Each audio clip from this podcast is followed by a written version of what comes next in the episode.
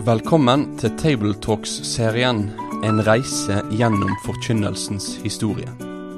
Programmet er utarbeidet av Egil Sjåstad i samarbeid med Asbjørn Kvalbein og Sunniva Fuglestveit, og vært publisert av den kristne ressurssida foross.no.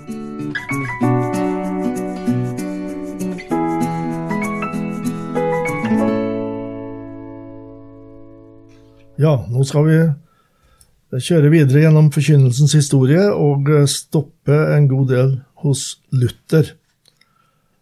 Han var jo først og fremst forkynner, da. Han var også forkynner som lærer. Så skjelningen mellom undervisning og forkynnelse hos Luther, den er vanskelig å trekke. Men da Luther var ung, så ga Staupitz Luther et forkynneroppdrag. Og han har 15 grunner til å si nei, forteller han, men det hjalp ikke. Å preike ble senere den viktigste måten han øvde evangelisk skjedesorg på. Gjennom kirkepostilen og ulike skrifter og sermoner, altså taler, så har hans prekenrøst vært å høre gjennom hundreåra. Hele 2300 av Luthers preker er bevart. Nå er det ikke stor plass for oss til å gå inngående inn på drøfting av Luthers skriftsyn. Men skriftsyn og preiking har en sammenheng, da, en tett sammenheng. Og én sak har avgjørende betydning for vårt emne. Luther regna Skriften som forkynnelsens eneste kilde og dens overordnede norm. Med eneste kilde menes da at det er der han henter innholdet fra til syvende og sist, også når han bruker eksempler. Han roser Augustin for at han ikke var bundet av fedrenes og de helliges bøker, men bare underkasta Den hellige skrift. Og videre sier Luther at Den hellige skrift er ei bok som gjør alle andre bøkers visdom til dårskap, fordi ingen bok utenom denne ene underviser om det evige liv.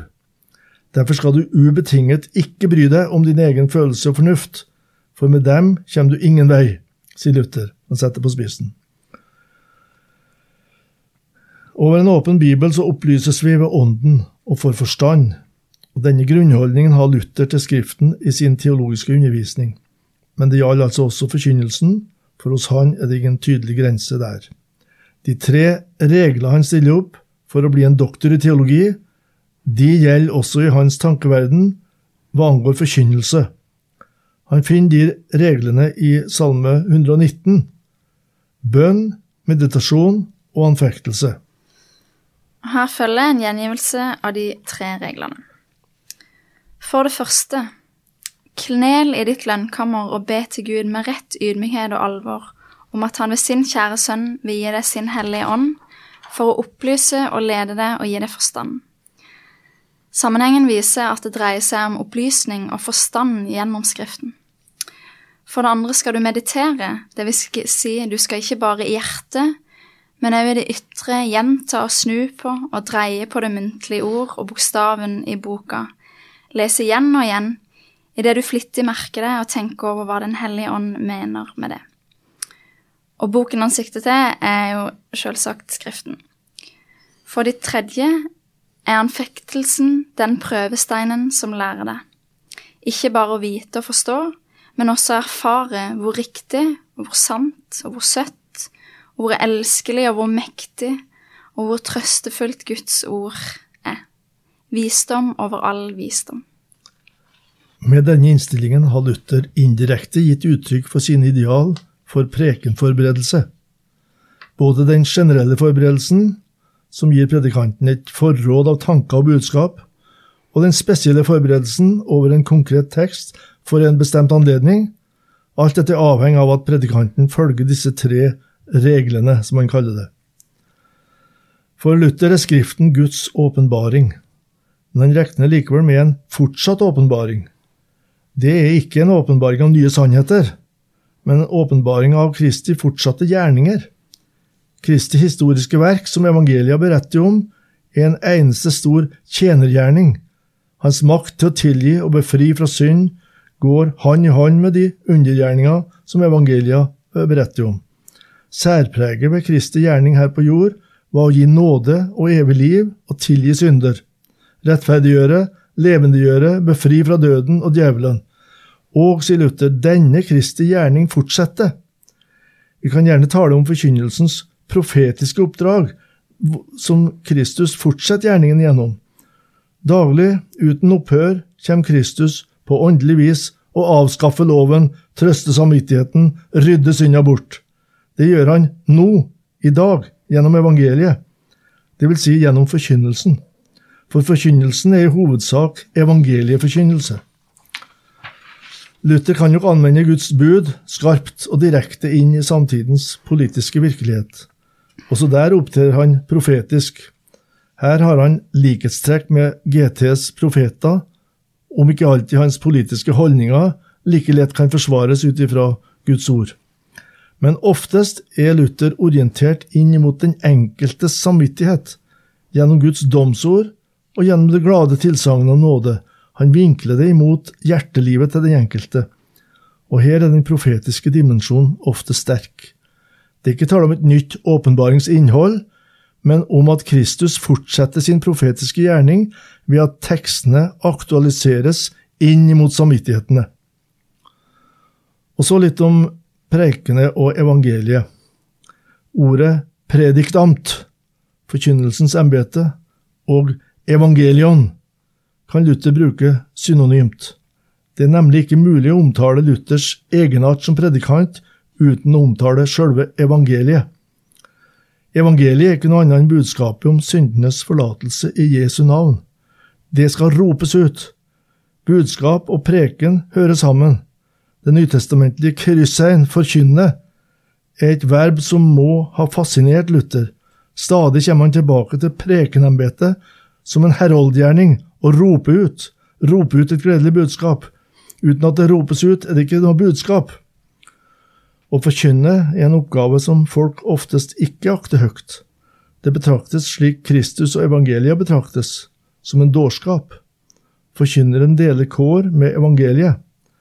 Men Luthers forkynnerglede er likevel påfallende, og den motsvarer det nyoppdagede evangelium og forklarer noe av hans såkalte heroiske prekenstil, preget av en dristig og direkte og glad form. Og jeg syns det er litt interessant dette med um, at Kristus og evangeliet betraktes som en dårskap, og forkynnere òg betraktes og beslektes med dette dårskap. Um, du nevnte dette med at uten at det ropes ut, så er det ikke noe budskap. Og da tenker jeg et viktig spørsmål å stille oss som forkynnere, men også som kristne, er Våger vi å rope ut evangeliet, de gode nyhetene, i et samfunn som er veldig religionsskeptisk og veldig en skeptisk tid, eh, der eh, Guds visdom ofte blir sett på som dårskap sammenlignet med verdens visdom. da. Jeg hørte eh, en debatt for noen dager siden som gikk på dette med menneskesyn, der det var, den ene debattanten var kristen, og den andre debattanten var ikke det. Og de diskuterte hvorfor mennesker har verdi, da. Eh, og så ble jeg nesten litt sånn irritert over at den kristne aldri ville uttale tydelig at han mente at menneskeverdien var forankra i at vi var skapt i Guds bilde. Det var nærmest som at han ville nedtone bibelbudskapet i sin på en måte debatt, da, eller sin innleggelse. Som at i, i, en politisk debatt eller i verden så kan jeg ikke bruke Bibelen eh, som et godt argument, fordi at i verdens øyne så er det dårskap, og jeg vil bare bli ledd av. Men hvis vi skal tro Guds ord og evangeliet for det det er, og for det Luther òg forteller oss at det er, så må vi jo tro at det er noe helt eget og helt spesielt som du ikke finner andre plass i verden, som du ikke finner i en annen bok. Som at det, som det òg står en plass, at inni en eh, vrang og villfaren slekt, så er vi som stjerner på nattehimmelen, og at vi er kalt til å være jordens salt og lys. At vi våger å rope ut det gode budskapet og vite det at eh, ja, i verdens øyne vil dette se ut som dårskap, men Gud har bevist i Bibelen mange ganger at, eh, at hans visdom er mye visere enn vår visdom. At vi våger å ta det med oss i forkynnelsen, og ikke eh, nedtone det, men rope det ut. For roper vi det ikke ut, så er det ikke et budskap. Frimodighet. Mm. Takk, Synnøve, det er helt riktig og viktig. For Luther så var forkynnelsen et nådemiddel. Altså et middel der Gud møter mennesket med nåde. Og den innfallsvinkelen er også viktig når vi tenker på våre ikke-troende venner og tilhørere. Mm. Og dette skjer hos Luther i forkynnelsen i tilsagnets form.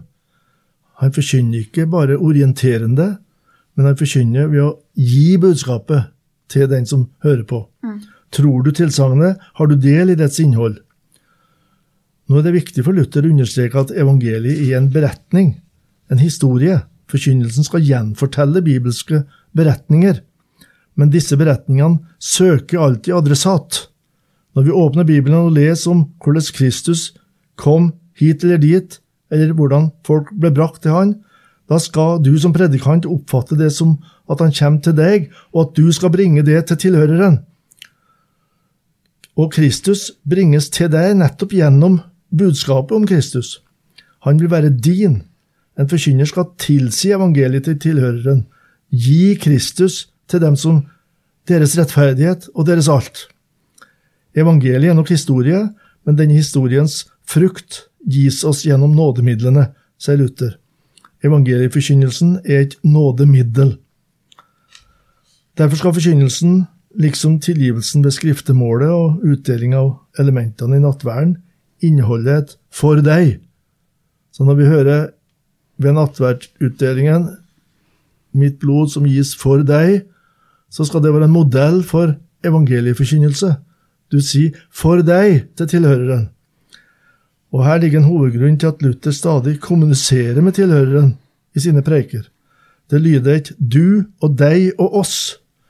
Når Guds barmhjertighet i Kristus skal omtales, så lyder det et 'for deg'.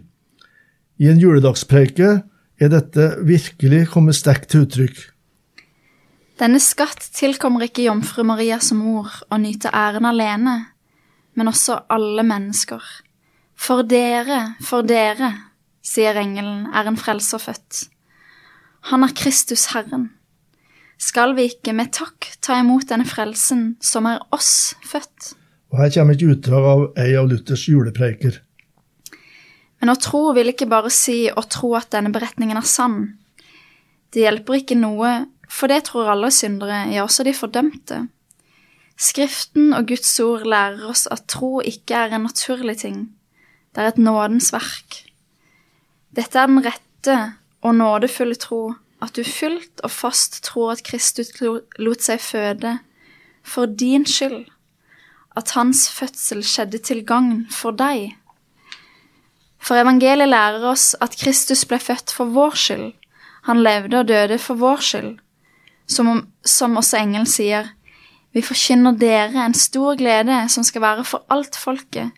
I dag er det født dere en frelser, han er Kristus, Herren. I disse ordene kan du ganske klart se at han ble født for vår skyld. Engelen sier ikke bare sånn i alminneligheten, en frelser er født, men for dere, for dere er en frelser født. Han sier heller ikke jeg forkynner en stor glede, men for dere, for dere forkynner jeg en stor glede. Og, de gled og denne gleden for hele folket. Denne tro eier ikke det fortapte, onde mennesket. Det er heller ikke i stand til å eie den. For den er selve salighetens grunn, den tro som forener Kristus og den troens hjerte, slik at de har alt felles. Som Jesaja sier, for et barn er oss født, en sønn er oss gitt. For oss. For oss er han født, og til oss er han gitt. Se derfor til at du i evangeliet ikke bare henter deg en deilig stemning ved selve historien. Den vil ikke vare lenge. Heller ikke bare et godt eksempel, for det hjelper deg ikke uten troen. Nei, se til at du gjør denne fødsel til din egen, og bytter ditt navn med hans, at du blir befridd fra din egen fødsel og overtar hans. Det skjer når du tror. Da sitter du på jomfru Marias fang som, en, som hennes eget kjære barn. Ja. I en forstand henviser ikke Luther til Betlehem, Golgata og den tomme grav når han preiker. Bevegelsen går faktisk motsatt. Han tar med seg Golgata-verket, Betlehem og oppstandelsen opp på prekestolen og gir det som gave til tilhøreren, gjennom det muntlige ord. I ei påskepreike sier Luther Det er ikke nok at vi tror at han er oppstanden fra de døde. For det, føl for det følger verken fred eller glede, verken kraft eller makt av det. Nei, du må tro at han er oppstanden for din skyld, deg til gode, og at han ikke for sin egen skyld sitter i ærens rike, men for å hjelpe deg og alle som tror på ham. Du må forlate deg på at han ved sin oppstandelse har overvunnet synd, død og helvete. Ja, i disse formuleringene som Luther setter på spissen her, da, for å understreke det, så er det veldig mye å lære for en predikant. At vi står som formidlere av et budskap som skal gis, ikke bare orienteres om. Kristus med all sin gjerning, sin lidelse og sin seier, det er ikke en beretning beregna for å bare fortelles som en interessant historie, men det er din historie. Du skal få del i dette her.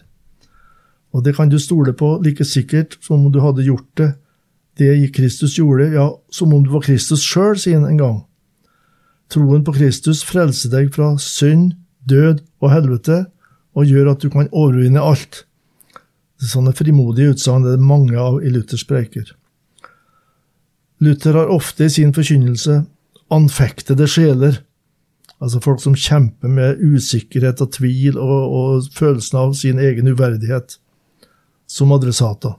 Han henvender seg direkte til dem i andre person entall, sjøl når det gjelder den høye anfektelsen, uroen, om det hele er utvalgt av Gud, så appliserer han evangeliet på en hjertenær måte. Altså, når du ser på Kristus og alle hans hellige, glede deg i Guds nåde, slik som, uh, som slik han har utvalgt dem, og bli fast i denne gleden, da er du også utvalgt. Kristus er med all sin gjerning, sin lidelse og sin seier din Kristus, og det kan du stole på like sikkert som om du har gjort det han har gjort. Ja, troen på Kristus frelser deg ifra synd, død og helvete, og overvinner alt. Takk for at du har vært med på denne reisa gjennom forkynnelsens historie. Vil du lese mer om temaet? Da kan du kontakte oss på postalfakrøllfoross.no for å bestille denne serien i bokform. Besøk òg gjerne foross.no for å finne flere aktuelle ressurser.